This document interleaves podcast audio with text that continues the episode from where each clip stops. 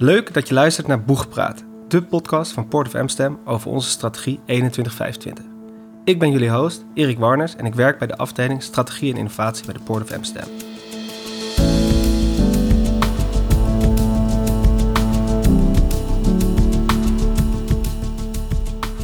In deze podcast neem ik je mee in een nieuwe strategie van de Port of Amsterdam. In de strategie spreken we uit dat we een sterke Europese zeehaven willen zijn, die voorop loopt in de transitie naar een duurzame samenleving. Maar hoe gaan we dit waarmaken en wat betekent dit voor de bedrijven in onze haven? Aan de hand van vijf thema's gaan we samen met de bedrijven uit de haven, partners en mijn eigen collega's op zoek naar een antwoord op deze vragen.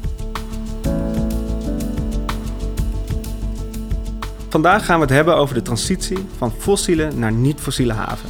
Bij mij aan tafel zitten Peter Woetjens, directeur bij Global Petro Storage Group, en DJ de Bommel, commercieel manager bij Port of Amsterdam.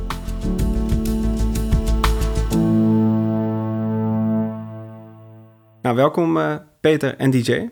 Leuk dat jullie hier vandaag willen zijn en met ons willen gaan praten over de transitie in de haven. Voordat we gaan beginnen en echt de inhoud induiken rondom de transitie, zouden jullie je kort willen voorstellen? En dan te beginnen bij Peter.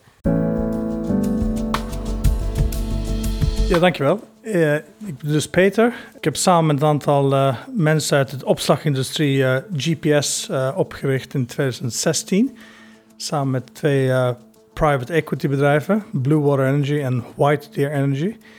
En ja, inmiddels bestaan wij vijf en half jaar. We hebben drie investeringen, waaronder GPS Amsterdam, een benzineterminal en ja, ik zit uh, namens GPS hier vandaag in mijn hoedanigheid als directeur Europe, Middle East, Africa. Maar uh, ik ben ook CEO van een nieuw bedrijf die heet GES, Global Energy Storage. Dan kunnen we misschien straks uh, zeker, wat toelichting, verder toelichting over, overgeven. En, en, nog iets breder, je zegt meerdere terminals of meerdere investeringen in ieder geval. Wat zijn de andere activiteiten van GPS? wereldwijd? Het is allemaal opslag. Maar we hebben ook een, uh, een terminal project die dit jaar klaar zal zijn in Port Klang in Maleisië. Ja. Daar bouwen wij Zuidoost-Azië's grootste LPG-terminal. Oké. Voor Equinor, Noorse, ah. Noorse oliemaatschappij. Ja, ja, ja. En die is dus dit jaar gereed. Daar hebben we drie jaar gewerkt. En we hebben een uh, olieterminal in uh, Sharjah. Dat ligt buiten Dubai in het Verenigde Arabische Emiraten. Ja. Die hebben we vorig jaar in bedrijf genomen. Oké. En GES gaan we het straks nog iets uitgebreider over hebben. En de afkorting staat voor... Global Energy Storage. Oké, gaan we straks nog wat meer uh, over horen. DJ. Ja, Didier de Bommel, uh, commercieel manager bij het havenbedrijf sinds uh, een jaar of vijf. En met name bezig met de, de olieopslagklanten en alle business die daar vastzit. Maar ook zeker de laatste jaren ook met klanten die productie zoeken voor hernieuwbare brandstoffen. Nou, er zit volgens mij best wel wat ervaring vandaag. Dus we gaan het even vooral hebben over wat gaat veranderen. Maar misschien ook met af en toe een, een, kijkje terug van waar het dan vandaan komt. Misschien om te beginnen bij DJ. Want in 2017, tijdens onze publicatie van de vorige strategie, maakten wij bekend dat we in 2030 een kolenvrije haven willen zijn. Dat was toen echt flink, flink stevig en het werd ook zo ontvangen. Nu hebben we een, een, nieuwe strategie. misschien dat er voor sommigen wel werd verwacht, ah, dat wordt weer zo stevig. Maar we kiezen duidelijk een andere koers als het gaat om de andere fossiele stromen, benzine en diesel. Kan jij iets meer vertellen daarover? Ja, inderdaad. Ik, ik, kan me voorstellen dat mensen kijken naar de gelijkenis tussen die twee stromen. Maar er zit, er zit, er zit een, een, een wezenlijk verschil in. En dat feit dat de, uh, zeker het maatschappelijk debat over kolen is, ligt, ligt veel zwaarder. Ja. Plus de horizon waarbij kolen in, in dit deel van de wereld gaan verdwijnen, is veel dichterbij. En in halverwege de jaren 30 is het echt afgelopen met kolen überhaupt, nou in Nederland eh, zijn we al hard op weg. Dat is in 2030 afgelopen. Dus je ziet gewoon een business die gewoon van zichzelf al gaat verdwijnen. Op, op relatief korte termijn, want 10, 15 jaar in een haven is, is, is, is een, is een relatief korte termijn. ja. En als je nou kijkt naar de, olie, uh, de olieopslag, daar zit uiteraard, dus die, die horizon uiteindelijk, die, die, die is vergelijkbaar, maar die ligt veel verder weg. En groot verschil is ook dat die terminals juist onderdeel zijn van die oplossing. Want er zal nog heel veel energie opgeslagen moeten worden, in welke vorm dan ook. Nu zie je de transitie naar biobrandstoffen en andere duurzame energiedragers. En die bedrijven zijn daar gewoon perfect voor gepositioneerd om daar juist een rol in te spelen. Dus Ja. dat, ik denk dat een wezenlijk verschil is met, eh, met de kolenopslag, waar de verandering zullen zij meer moeten zoeken in andere ladingsoorten als in de opslag van energie. Ja, snap ik, snap ik. En eigenlijk zeg je ook, de, de, nou, de spullen, maak ik een beetje plat, maar dat zijn behoorlijke spullen. Die zijn juist heel erg nodig om die transitie voor elkaar te krijgen. Dus vroeger sloegen we misschien dan, vroeger, nu nog steeds, maar benzine, diesel aan op. Maar dezelfde spullen, materialen, opslagtanks, gaan wij ook gebruiken om juist de, de, de nieuwe brandstoffen op te slaan.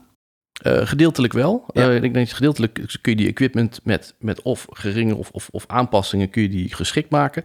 En anderzijds heb je ook te maken met organisaties die weten hoe je met eh, dit soort gevaarlijke stoffen moet omgaan. En die, die know-how en kennis is ook belangrijk in de energietransitie, want dat komt er wel bij kijken. Ik zie, ik zie Peter heel erg, heel erg bevestigen. Hoe, hoe werkt dat bij, bij jullie, bij GPS? Of misschien ook een goed moment om het heel kort over GES te hebben?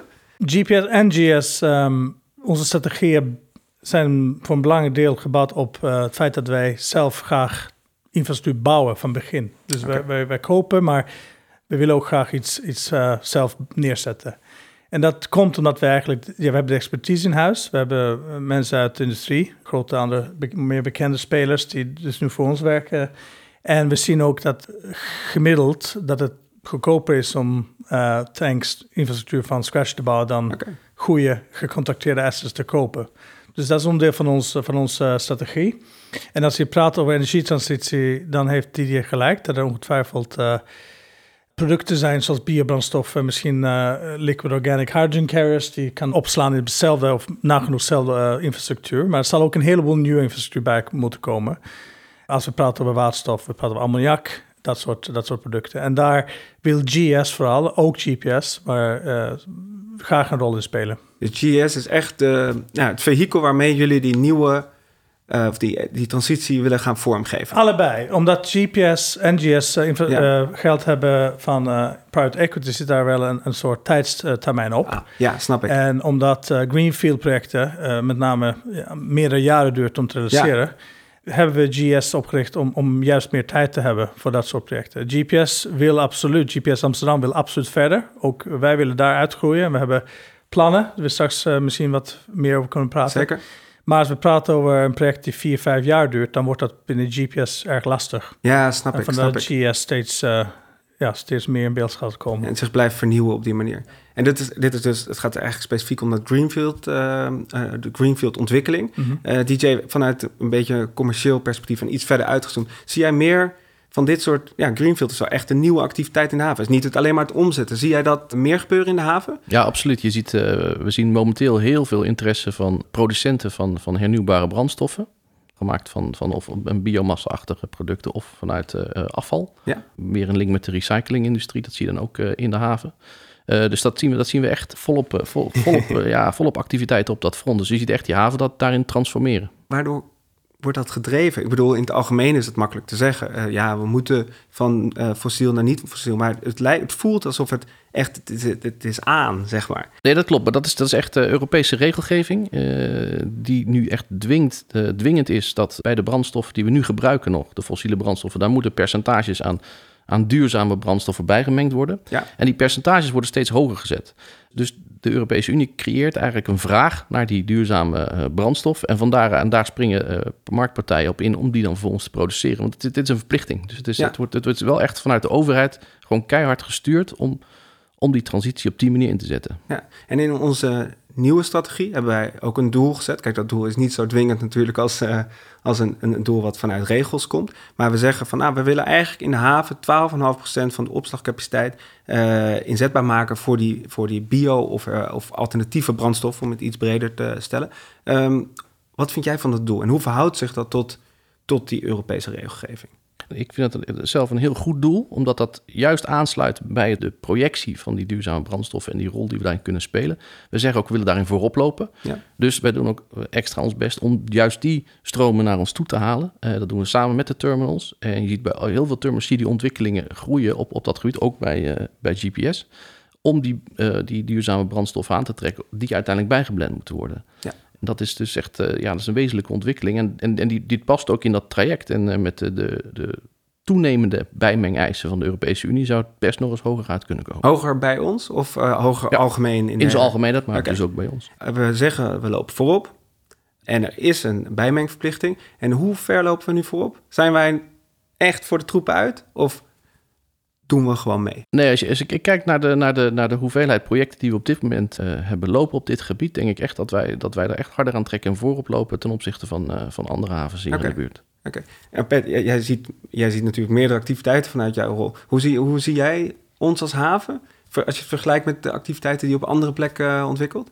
Allereerst denk ik dat Amsterdam, Port Amsterdam, een van de eerder, de, nou, de eerste die ik ken, ken in ieder geval, die, die hiermee begon, die een heel duidelijke strategie eh, heeft uitgerold. Eh, toen wij eh, eerst met, eh met in gesprek kwamen over het overnemen van G- wat, wat nu GPS Amsterdam is. Ja. In 2016, toen was dat al een heel duidelijke strategie. En dat was zeker niet overal het geval. Ik moet wel zeggen dat in de laatste paar jaar is het enorm veranderd. En eh, Europa als geheel eh, praat heel veel over ESG, energietransitie. Eh, ik ben niet in, de situ- in positie om natuurlijk de, de projectenpipeline van die dat is waar. met de projectenpipeline van anderen. Maar ik, weet zijn. wel dat, eh, dat ook bijvoorbeeld Rotterdam eh, absoluut eh, veel plannen heeft. Maar ik, ik zie jullie wel, als ik terug ga wat ik zei, dat jullie eh, ja, heel vroeg bij waren. En Ja. dat, dat vind ik wel positief. We En hebben natuurlijk al, eh, al heel vroeg ook gezegd dat we geen eh, nieuwe gronden meer zouden uitgeven aan fossiele activiteiten.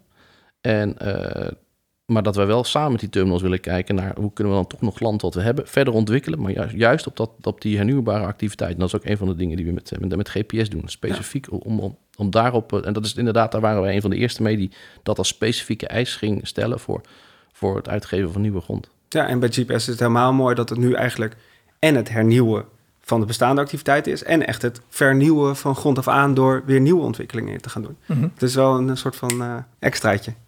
Maar toch, hè, 12,5 procent, we lopen voorop. Dat kan, eh, dat kan niet makkelijk zijn. Misschien beginnen bij DJ. Wat is nou...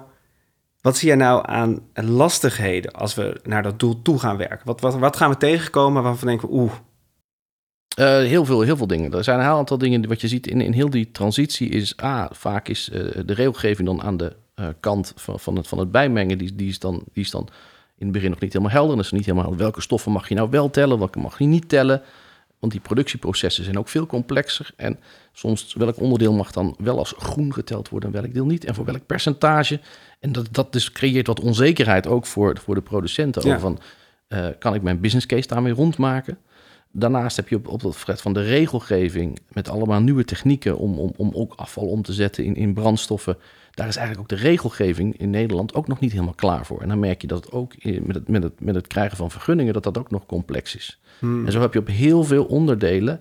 eh, het is zeker geen walk in the park. En daar, daar doen wij dus ook extra ons best voor om al die partijen eh, met elkaar te laten praten, te helpen. en, en ja, ook aan te kaarten op de juiste plekken, waar, waar eh, ook bij de overheden, nationale overheden, maar ook lokale, om juist die, die problemen aan te pakken. ja, snap ik. Hoe, hoe ervaar jij dat, Peter?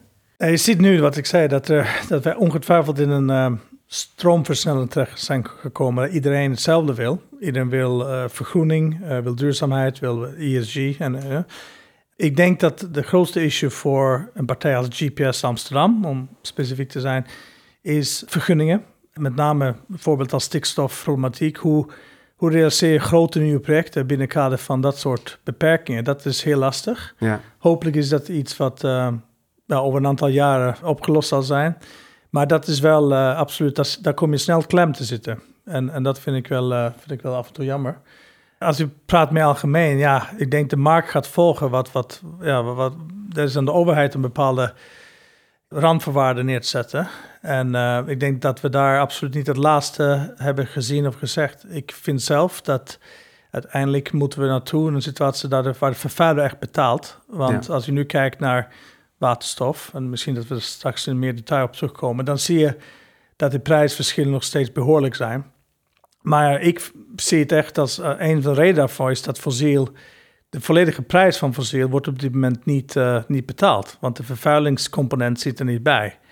Dan moeten van andere, van andere krachten komen, zeg maar. En Ja. dat, is wel, eh, dat is wel lastig. Ja, dus heel veel. Ik hoor jullie eigenlijk beide, denk ik, zeggen dat een nou, kaderstellende regelgeving, of in ieder geval duidelijke regels, die sturen op versnellen, dat het daar nog deels aan ontbreekt. Er zijn er wel een paar, want daar hebben we het al over gehad, de RD, uh, maar het kan strakker en scherper. En dat gaat helpen om dat pad scherp te krijgen. Ik denk dat het grootste uitdaging is dat we het, eh, we moeten het eigenlijk wereldwijd aanpakken. En ah, sowieso ja. Eh, binnen de EU en nationaal.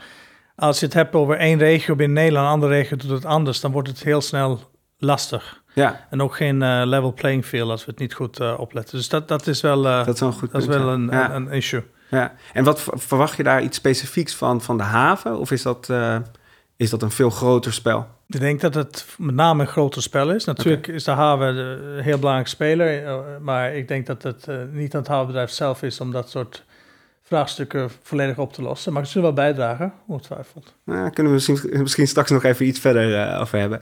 Nou, ik ben eigenlijk bij jullie beiden wel benieuwd, want jullie zijn best wel, nou ja, behoorlijk gemotiveerd, denk ik, om hier uh, een stap in te maken. Hoe voelt dit nou persoonlijk? Die wat heb jij persoonlijke drijfveer van je zegt, nou, nu ga ik hier, hier, hier wil ik aan bijdragen? Ja, absoluut. Kijk, uiteindelijk uh, weten we dat het allemaal moet. Dat het moet. Hè? Dat is gewoon voor, voor onszelf, voor onze kinderen, voor iedereen. We zullen hierin wat moeten doen. Ja. Maar een andere drijfveer daarin voor, voor mij is ook omdat het, dat het allemaal nieuw is. Het is complex en het is heel anders dan wat, wat, wat we hiervoor hebben gedaan. Maar, maar je kan wel die kennis die je daar hebt opgedaan, die kun je gebruiken. En eigenlijk is het zeg maar ja, een vervolgstap. Met ook weer nieuwe aspecten en, ook weer een hoop dingen die je kan leren. En uh, dat maakt het eigenlijk, wat mij betreft, dat maakt het ook echt interessant. En daarbij zijn we ook nog eens uh, bezig om, om, iets, om iets goeds neer te zetten. En dat is denk ik dat uh, dat helpt. Ja, dus behalve dat, dat het dus, nou ja, goed voor de wereld is, zie je ook dat inhoudelijk gewoon de kennis die jullie beide waarschijnlijk al hebben opgebouwd, nu opnieuw relevant wordt om juist dat, dat, die transitie in versnelling te zetten. Ja, absoluut. Zie je dat ook zo, Peter? Ja, absoluut. En voor mij, ik zie het zonder te enthousiast te worden, als een opportunity of lifetime. Ik zie gewoon infrastructuur, energie we zitten nu echt in, het begin van een nieuwe, van een nieuw uh, hoofdstuk. En er moet heel veel energie-infrastructuur bij uh, worden gebouwd. En, en uh, opslag vooral is, is in de energietransitie een van de lastige vraagstukken. Ja.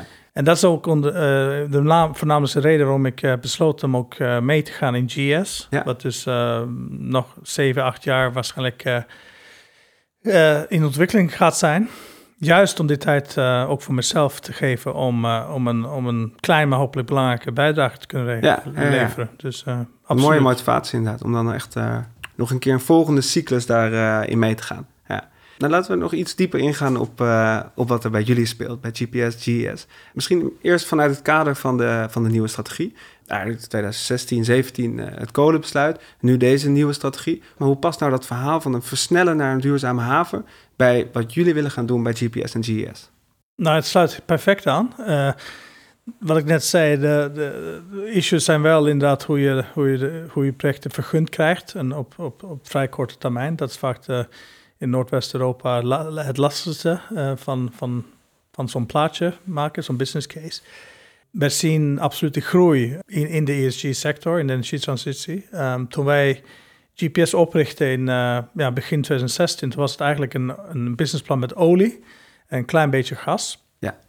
In de afgelopen vijf en half jaar is dat absoluut geëvolueerd naar een situatie waar wij voornamelijk gasprojecten hebben en ook bio, bio-projecten. Ja.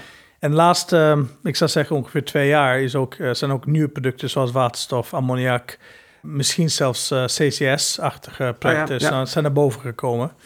En wat ik dus zei, om, om, om daar de kans te geven om daar iets ook te realiseren, hebben we dus GS opgericht. Ja, ja. Maar als ik nu kijk naar de pipeline van zowel GPS en GS, dan is dat, uh, daar zit er nagenoeg geen olie in. Heel, heel weinig. Oh, echt? Heel weinig. Oké, dat is goed, uh, goed om te horen, ten eerste. En hoe snel is dat dan gegaan? Want jij zegt, uh, toen jullie begonnen was dat al heel anders. En nu, hield dat dus in een paar jaar ja, van mijn perspectief, en dat is natuurlijk maar één, één uh, perspectief, is dat echt. Uh, ik heb het zelf kunnen zien in de afgelopen vijf jaar. Ja. Ik moet wel zeggen, als ik zeg uh, geen olie, dan is LPG is voor ons een uitzondering. Okay, We zien ja. veel groei in LPG en dat is natuurlijk een petroleumproduct. Alleen het is een gas en het is relatief schoon. En wat, wat Didier zei is, kan ik 100% achter staan. Kijk, in andere delen van de wereld, we bijvoorbeeld hebben op Afrika, ja. daar, daar lopen echt op dit moment tegen andere problemen aan. In Kenia bijvoorbeeld, daar wordt gekookt op, op uh, kerosine en op, op hout. En uh, ik geloof dat uh, zoiets als 60.000 mensen per jaar overlijden aan verstikkingsproblematiek. Oh, echt? Dus de regering daar bijvoorbeeld wil heel graag naar LPG als, Ja, een, ja. als een effectief en relatief schoon. En Ja. ik denk dat wij als, als speler, als voorbeeld, daar een rol kunnen spelen. Ja, Eh, dat gezegd hebben, dat is niet de net zero ambitie die we uiteindelijk met z'n allen zouden moeten hebben. nee, maar dat je is moet waar. wel eh, kijken naar het geheel. En, en het is niet zo dat één oplossing overal hetzelfde is. Nou, we zitten ook zelf als, als eh, West-Europeanen in een energietransitie die eigenlijk eh, altijd is, eh, er is geweest. Van Ja. hout naar kolen naar et cetera. Dus Ja. het is ook het is een natuurlijk, denk ik, eh, ja, proces. Ja, GES en het nieuwe eh, stuk grond wat jullie eh, willen in, in gebruik willen gaan nemen, die zijn direct aan elkaar gekoppeld. Wat, wat kan je al iets vertellen over, mag in het grof, hè, wat jullie daar willen gaan doen en of, of nou, wat een beetje wat de droom is, wat daar gaat gebeuren? Dus we hebben in 2016 eh, hebben we GPS opgericht. En eind 2016 hebben wij Hydrocarbon Hotel overgenomen van Faro Energy. En Faro Energy is daarna klant gebleven. Dus in plaats van eh, zelf eigenaar van de zijn wij de eigenaar geworden en operator. En zij zijn de klant gebleven. En we hebben Hydrocarbon Hotel eh, ja, de nieuwe naam gegeven, GPS Amsterdam. We hebben gelijk, eh, zijn we begonnen met een vergunningstraject van een uitbreiding. We gingen van 148.500 kub naar 282.000 kub. En dat hebben wij uiteindelijk ook gebouwd. In december 2019 was dat klaar. En daarna zijn we eh, nagenoeg gelijk begonnen aan de verdere uitbreiding. We hebben een vergunning aangevraagd eh, begin 2020 voor een spooraansluiting en ethanol. Ah ja. Eh, en, en dat wordt op dit moment eh, gebouwd. Eh havenbedrijf is daar een partner in, eh, financiert een deel van, eh, van de infrastructuur. Dat vond ik een heel eh, fijne samenwerking. En eh, dit project, eh, ja, dat zal eh, eind dit jaar, begin volgend jaar eh, klaar moeten zijn. Ah, en om hoeveel, hoeveel gaat dat dan? Want dan, Dan, heb praten je, we ongeveer 17.000 kub eh, Ah, ja. ethanol. Ja, ah ja. Maar dat eh, past natuurlijk, eh, sluit mooi aan met die benzine en, en eh, ja, lichte benzinecomponenten en andere producten die wij opslaan op dit moment in de, in de bestaande tanks. Ja. Dus- En kan je ook al iets zeggen over de nieuwe ontwikkelingen of is dat nog te vroeg? nou, daarna hebben wij dus die, die, eh, uitbreiding die nu gaande is, dat noemen wij fa- fase 3. Oké, Daar hebben wij eh 2,8 hectare ongeveer afgenomen van het havenbedrijf. En daarnaast eh, ligt er ook een kleine 7 hectare beschikbaar. En daar willen we ook graag een uitbreiding realiseren. Daar werken we hard met partners. En, en daar kan ik niet te veel over zeggen, want het is niks wat officieel is. Maar daar kijken we absoluut naar, naar duurzame projecten. Eh, gas, eh, biobrandstoffen, maar altijd met een duurzaam eh, component. En waarschijnlijk met een productiecomponent ook. oké. Ah ja, dat, dat is ook weer een hele nieuwe Ja. samenstelling in zekere zin. Ja. En over vijf tot tien jaar, wat, wat gewoon, zonder dat dat, wat, wat is dan je beeld? Wat gebeurt er bij jullie? Wat, wat zien wij dan? Zien we dan groene schepen aankomen? Wat, hoe zou jij het liefste willen dat het gaat dan? Ik hoop dat over, over, ja, of het nou 15 jaar is, maar dat, dat wij naar een systeem toe gaan dat de vuiler echt betaalt. Dat, Ja. de, dat een prijscorrectie komt eigenlijk van, van, de, van, van de oude nu. En dat we dus die, eh, die transitie echt eh, op, op een andere manier gaan aanpakken dan tot nu toe. Dat gaat wel betekenen dat, eh, dat wij inderdaad meer moeten betalen voor wat wij eh, gewend zijn. En, Ja. en dat eh, zal niet voor iedereen misschien even makkelijk of, of leuk zijn. Maar dat, als dat gebeurt, dat we dan echt die grote stappen maken die we hebben gezegd dat wij ook willen nemen. Om tot eh, ja, om 2050 eh, CO2-neutraal te zijn of net zero te zijn. Ja. Ja, als dat gebeurt, eh, als dat gebeurt binnen vijf tot tien jaar, dat, dat is wat ik, eh, wat ik hoop, dan, dan zal er heel veel geld, en dan praten we over enorme bedragen, geïnvesteerd moeten worden, juist in Ja. infrastructuur zoals waterstof, eh, nieuwe schepen ook. De sky is the limit wat dat Ja, betreft. ja, ja, dus het systeem gaat behoorlijk door elkaar geschud worden. Zo zie je, eh, en dan op alle punten, dus op eh, manieren van vervoer, eh, niet manieren, maar manier- in ieder geval de schepen die we gebruiken moeten veranderen. De opslag moet misschien deels of, of, of, of voor een deel helemaal Ja. veranderen. Maar ook het gebruik en de prijzen zie jij daar ook daarin veranderen. Oké, oké. En dan even terug naar wat dichterbij. Eh, de doelstelling van 12,5%. En dan in het licht van wat je nu schetst, vind je dat dan een. eh, is dat iets waarvan je schrikt en zegt van oeh, dat wordt wel lastig? Of daar gaan we gewoon voor haalbaar, eh, maar hard werken? Ik denk, ja, ik kan, ik kan alleen namens GPS praten. Ik denk dat als wij die, de fase 4, als we zo maar zeggen, Ja. die 7 hectare kunnen volbouwen met iets, iets wat, wat duurzaam is, dat dat haalbaar is. Ik moet wel zeggen, als we praten over biobrandstoffen bijvoorbeeld, de volumes zijn vaak eh, heel anders dan fossiele volumes. Oké, En uh, dus ik had net over fase 3, 17.000 kub ethanol. En dat is dan in vergelijking met eh 282.000 fossiele opslag op dit moment. ja. En eh, ik denk dat het he- heel lang zal zijn voordat wij eh, de volumes hebben van biobrandstoffen, dat wij echt, eh, dat we echt eh, kunnen praten over een substitutie van, van, eh, van de ene met de andere. Dus, dus eh, de uitzondering zou kunnen zijn renewable eh, diesel, renewable jet fuel. Maar, maar ik weet dat Houwer ook hard aan we- meewerkt. Wat Neste bijvoorbeeld doet in Rotterdam en Singapore eh, en Finland. Wij zetten ons echt in op wat ik zei op nieuwbouw, nieuwe infrastructuur. En dan de olie die we hebben zal voorlopig zo blijven met Ja. een groeiende hoeveelheid bio, biomengsel. ja, dus het neemt wel toe. Ja. Maar het is niet zo dat dat in een paar jaar de helemaal eh, omgedraaid is. Nee, als ik, als ik morgen zou zeggen, ik moet nu eh, de 282.000 kub vullen met biobrandstof, dan wordt dat wel Wordt eh, lastig, ja. lastig. Ja, en nou, dat is dan misschien leuk om, om nog even te verdiepen samen van... we willen graag versnellen en, en hoeveel dat nou precies is... dat hoeft, hoeven we, niet, daar hoeven we geen wiskunde van te maken. Maar hoe zou nou de haven met bedrijven zoals GPS kunnen helpen... om iets sneller dan de markt die overslag eh, overstap te maken? Nou, ik denk eh, allereerst om, om te doen wat zij doen. Dus duidelijke strategie neerzetten, eh, bedrijven, partijen met elkaar linken. Want we hebben elkaar nodig. Dat is ook heel belangrijk voor de energietransitie. Ik denk dat, eerlijk gezegd, geen enkel bedrijf, hoe groot het ook mag zijn, het zelf kan. We, moet- we moeten samenwerken. Overheden, landen moeten samenwerken. Om te kijken waar synergieën liggen en hoe we elkaar kunnen helpen. Dat is stap één, denk ik. Eh, samen met de strategie natuurlijk, eh, waar we naartoe willen gaan. Ja, dus punt aan de Eh, horizon. en de tweede, wat ik ook een paar keer heb gezegd, is de vergunningsproblematiek. maar er moet wel af en toe, denk ik, meegenomen worden, want dat, dat kan heel, soms heel lastig zijn. Ja, ja. DJ, hoe zie jij dit? Gaan, jou, gaan jouw activiteiten ook veranderen eh, als je Peter hoort? Nee, wat, wat, een, een van de dingen die Peter aanhaalde is, is, samenwerking is, is, is cruciaal. Eh, waar- je vroeger veel bedrijven zag die, zeg maar, die hun eigen plotland, eh, gingen daar hun eigen activiteiten organiseren. eigenlijk standalone ten opzichte van andere partijen in de haven. Zie je nu zeker ook, zie je gewoon echt links met de, bijvoorbeeld de, de afval als grondstof weer voor, voor de productie van, van duurzame brandstoffen. Dus dan heb je de afvalpartijen, die werken weer samen met de productie. En dan eh, de olieterminals, die kunnen weer de, de producten die daaruit komen weer opslaan. En zo zie je heel veel samenwerking ontstaan in de haven. En daar, inderdaad, daar spelen wij een, eh, een rol in om, om ook die partijen aan elkaar te knopen. En te zorgen dat ze ook met elkaar verbonden kunnen worden. Ook door, eh, want dat moet ook nog fysiek geregeld worden. Ja, Eh, ook met, met ja, welke partijen plaats je waar. ja snap ik. Eh, en, en maak gebruik ook van, van die infrastructuur die er nu is. En dat is, eh, ja, dat is, dat, is, dat is een stuk complexer, maar wel, eh, dat maakt het wel interessant. wordt meer puzzelen. Nog meer puzzelen. Ja. Ja. Peter, zijn er nu al partijen waarvan jij zegt... nou, eigenlijk eh, wel handig als die bij mij in de buurt zitten... en die er nog niet zitten? Nee, ik denk dat waterstof is een. bek- Is, eh, kijk, er zijn refineries in, in Amsterdam. En, en daar zit met name de eh, waterstofproductie vandaag in de wereld. Hè? Dus dan praten we niet over groen waterstof, maar wel wa- over waterstof. En als je praat over bijvoorbeeld HVO, ehm en renewable eh, producten, dan is waterstof vaak de missing link. Ja. Dus het zou heel goed zijn als wij eh komende jaren waterstof hebben in de haven. Dat zou kunnen leiden tot vele andere spin-offs. Ja.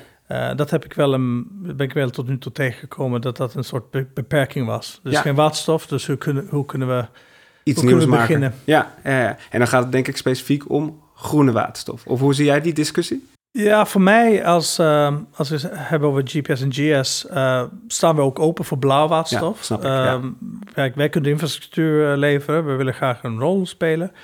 En het is niet aan mij of aan ons om te beslissen wat, wat, wat beter is. Ik, ik denk wel dat een, belangrijk punt is, ik hoop dat wij eh, naar een systeem van carbon intensity gaan.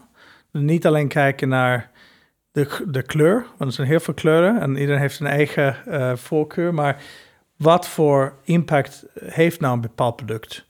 En eh, nou, misschien dat dan blauw waterstof als voorbeeld iets minder gunstig is dan groen. Ah ja, Maar eh, als het een rol, een belangrijke rol bijlevert, en het kan wat mij betreft een, eh, dat zijn, zeker in de komende 10, 15, Ja. 20 jaar, dan zie ik niet waarom je dat zou uitsluiten. Nee, precies. Eigenlijk wat je zegt, je moet het niet zo isolitair bekijken. Je moet niet alleen kijken naar het kleurtje, maar ook naar hoe je het gebruikt en wie het gaat gebruiken om de echte Ja, de waarde uitdaging eh, die we hebben als, als mensen is eh, volgens mij de, een van de, niet de grootste uitdagingen die we hebben Ja. meegemaakt buiten oor- oorlogen om.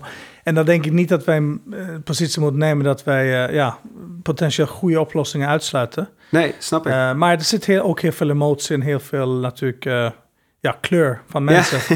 Dus ja, dat, maakt is het zeker complex. waar. En politiek, die, die, die kleuren natuurlijk makkelijk eh, Ja. kunnen inzetten om een Ja. punt te maken. Waterstof, beschikbaarheid, DJ, hoe, hoe zie jij dat in de, in de, in de haven eh, ontwikkelen? Dat is inderdaad cruciaal voor de, voor de verdere ontwikkeling. Eh, dus, dus wij als havenbedrijf werken er ook hard aan om, om die, eh, die groene waterstof eh, de haven in te krijgen. En ook daar infrastructuur voor neer te leggen. Dat die vervolgens die eh, groene waterstof ook gedeeld kan worden met bedrijven. Dus daar willen Ja. we pijpleiding infrastructuur voor neerleggen om die bedrijven daarop te kunnen aansluiten. Eh, want inderdaad, dat is, dat is cruciaal. Eh, zonder, zonder waterstof eh, eh, gaat de transitie niet plaatsvinden. Ja, en los van de infrastructuur, zie jij nog partijen in de keten waarvan je denkt van, nou eigenlijk moeten die ook naar Amsterdam komen, want dat maakt het, het, het voor bedrijven zoals GPS nog makkelijker of beter om de haven als, als, als thuisplek te, te kiezen. Eh, specifiek voor, voor GPS zou ik dat... Nou, zou ik dat algemener mag ook, maar in, hoor, in van- algemeenheid, waar je naar moet zoeken, is dat, dat het hele ecosysteem waar je uit kan putten, dat dat beschikbaar is in, Ja. in de haven. En eh, dat heeft te maken dus dat je met, met afval wat je gebruikt, maar ook Ja. duurzame biomassa-stroom wat je die gebruikt. Ja. En zo moet je een ecosysteem creëren waarin je het beste gebruikt van wat er, wat er voorhanden is om die transitie te maken.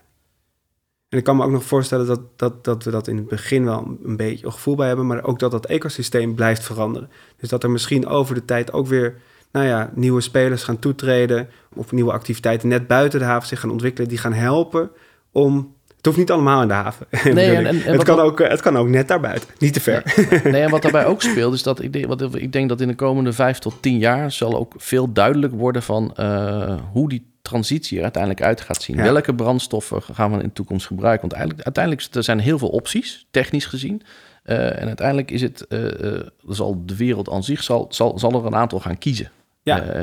En dat, dat, dat zal markt, gedeeltelijk marktgedreven, maar gedeeltelijk ook overheidsgedreven zijn.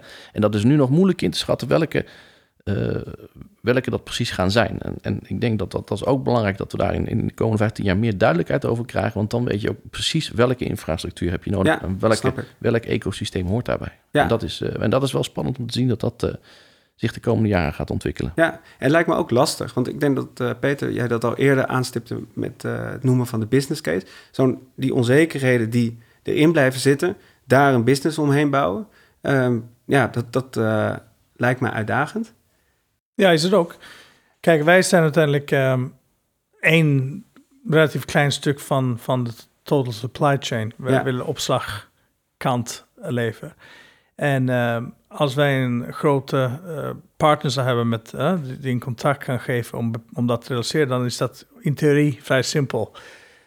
In de realiteit is het natuurlijk zo dat wij, ja, die projecten moeten natuurlijk eh, moeten bestaansrecht hebben. Anders, Ja. wil je ook geen, geen terminal business case bouwen. En, en dat eh, betekent dat wij ook mee moeten kijken en mee willen kijken in, in het geheel. Ja, Dus we, we, we zijn daar nu mee bezig. En het leuke is, eh, iedereen wil hetzelfde.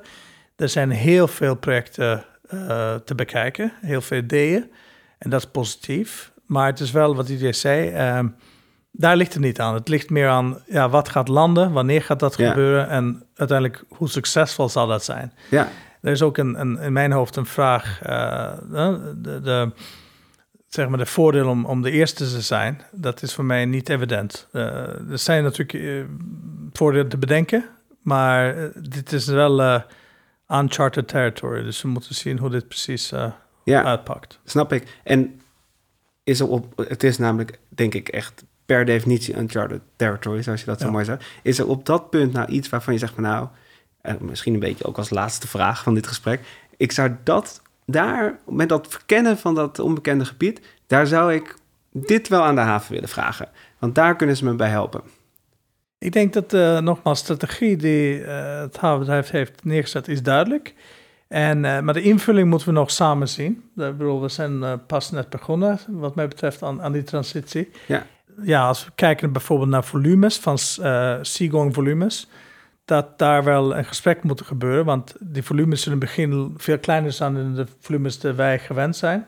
Dus we praten over 100.000 ton olie, is dat niet zoveel. Ja. Als we praten over 100.000 ton waterstof, is dat heel veel. Als je kijkt naar hoeveel investering erachter zit, dan praat je over miljarden. Ja. Uh, hoewel voor olie is dat absoluut niet zo. Dus um, ja, daar moeten we nog uh, elkaar weer te vinden, denk ik. Op manier dat wij beide uh, ja, een business case vinden die, die, die ook rondrekent. Ja. Uh, dus daar kijk ik naar uit, om dat samen met jullie hopelijk binnenkort te mogen doen.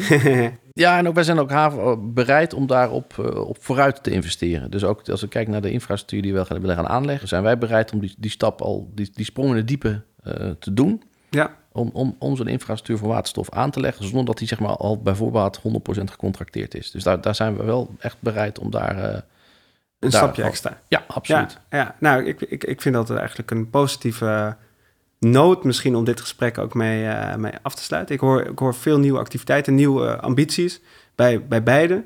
En, uh, maar ook niet makkelijk. Uh, en dat, dat zit hem uiteindelijk misschien in de business case, maar dat zit natuurlijk in 101 dingen die nog onbekend zijn en, uh, en samen uitgezocht moeten worden. Um, en de handreiking die volgens mij al lang was gedaan, maar in ieder geval bevestigd wordt in dit gesprek, is dat daar ook samen echt het ontwikkelen van nou ja, iets wat financieel ook voor beide partijen werkt en onderdeel van is. Dat, dat is voor mij een mooie nou ja, takeaway. Zijn er nog laatste dingen die jullie van zeggen? Nou, dat had ik echt willen zeggen. Nou, nee, ik, denk, ik, denk, ja, ik nodig eigenlijk ook gewoon, gewoon alle partijen in de haven uit en daarbuiten ook om, om samen inderdaad die stap te maken en ja. uh, samen op weg te gaan naar die, naar, die, uh, naar die duurzame toekomst in de haven. Ja, mooi. Nou, ik wil misschien toevoegen, maar dat heb ik volgens mij al gezegd. We hebben dus die, uh, de grond, 7 hectare, daar willen we graag ontwikkelingen realiseren. We zijn mee bezig, maar het is nog niet definitief. Dus als er partijen zijn die die denken dat het interessant zal zijn om met een partij als GPS Amsterdam samen te werken, dan zullen we graag uh, met die partijen in gesprek gaan. Ja, mooi. Uh, over duurzame, duurzame ontwikkeling uiteraard. Ja. Mooi. Uh, nou, beide heel erg bedankt voor dit gesprek. Ik vond het nou, veel nieuwe inzichten en ook goed om te horen hoe dat nou echt bij een partij in de haven vorm krijgt, die transitie. Heb jij naar aanleiding van dit gesprek met DJ en Peter een vraag of opmerking? Of wil je verder met ons gesprek? Ga dan naar www.portofamsterdam.com slash boegpraat en laat je reactie achter. Meer weten over onze strategie? Luister dan via onze website of dit podcastkanaal naar de andere aflevering van Boegpraat. Bedankt voor het luisteren.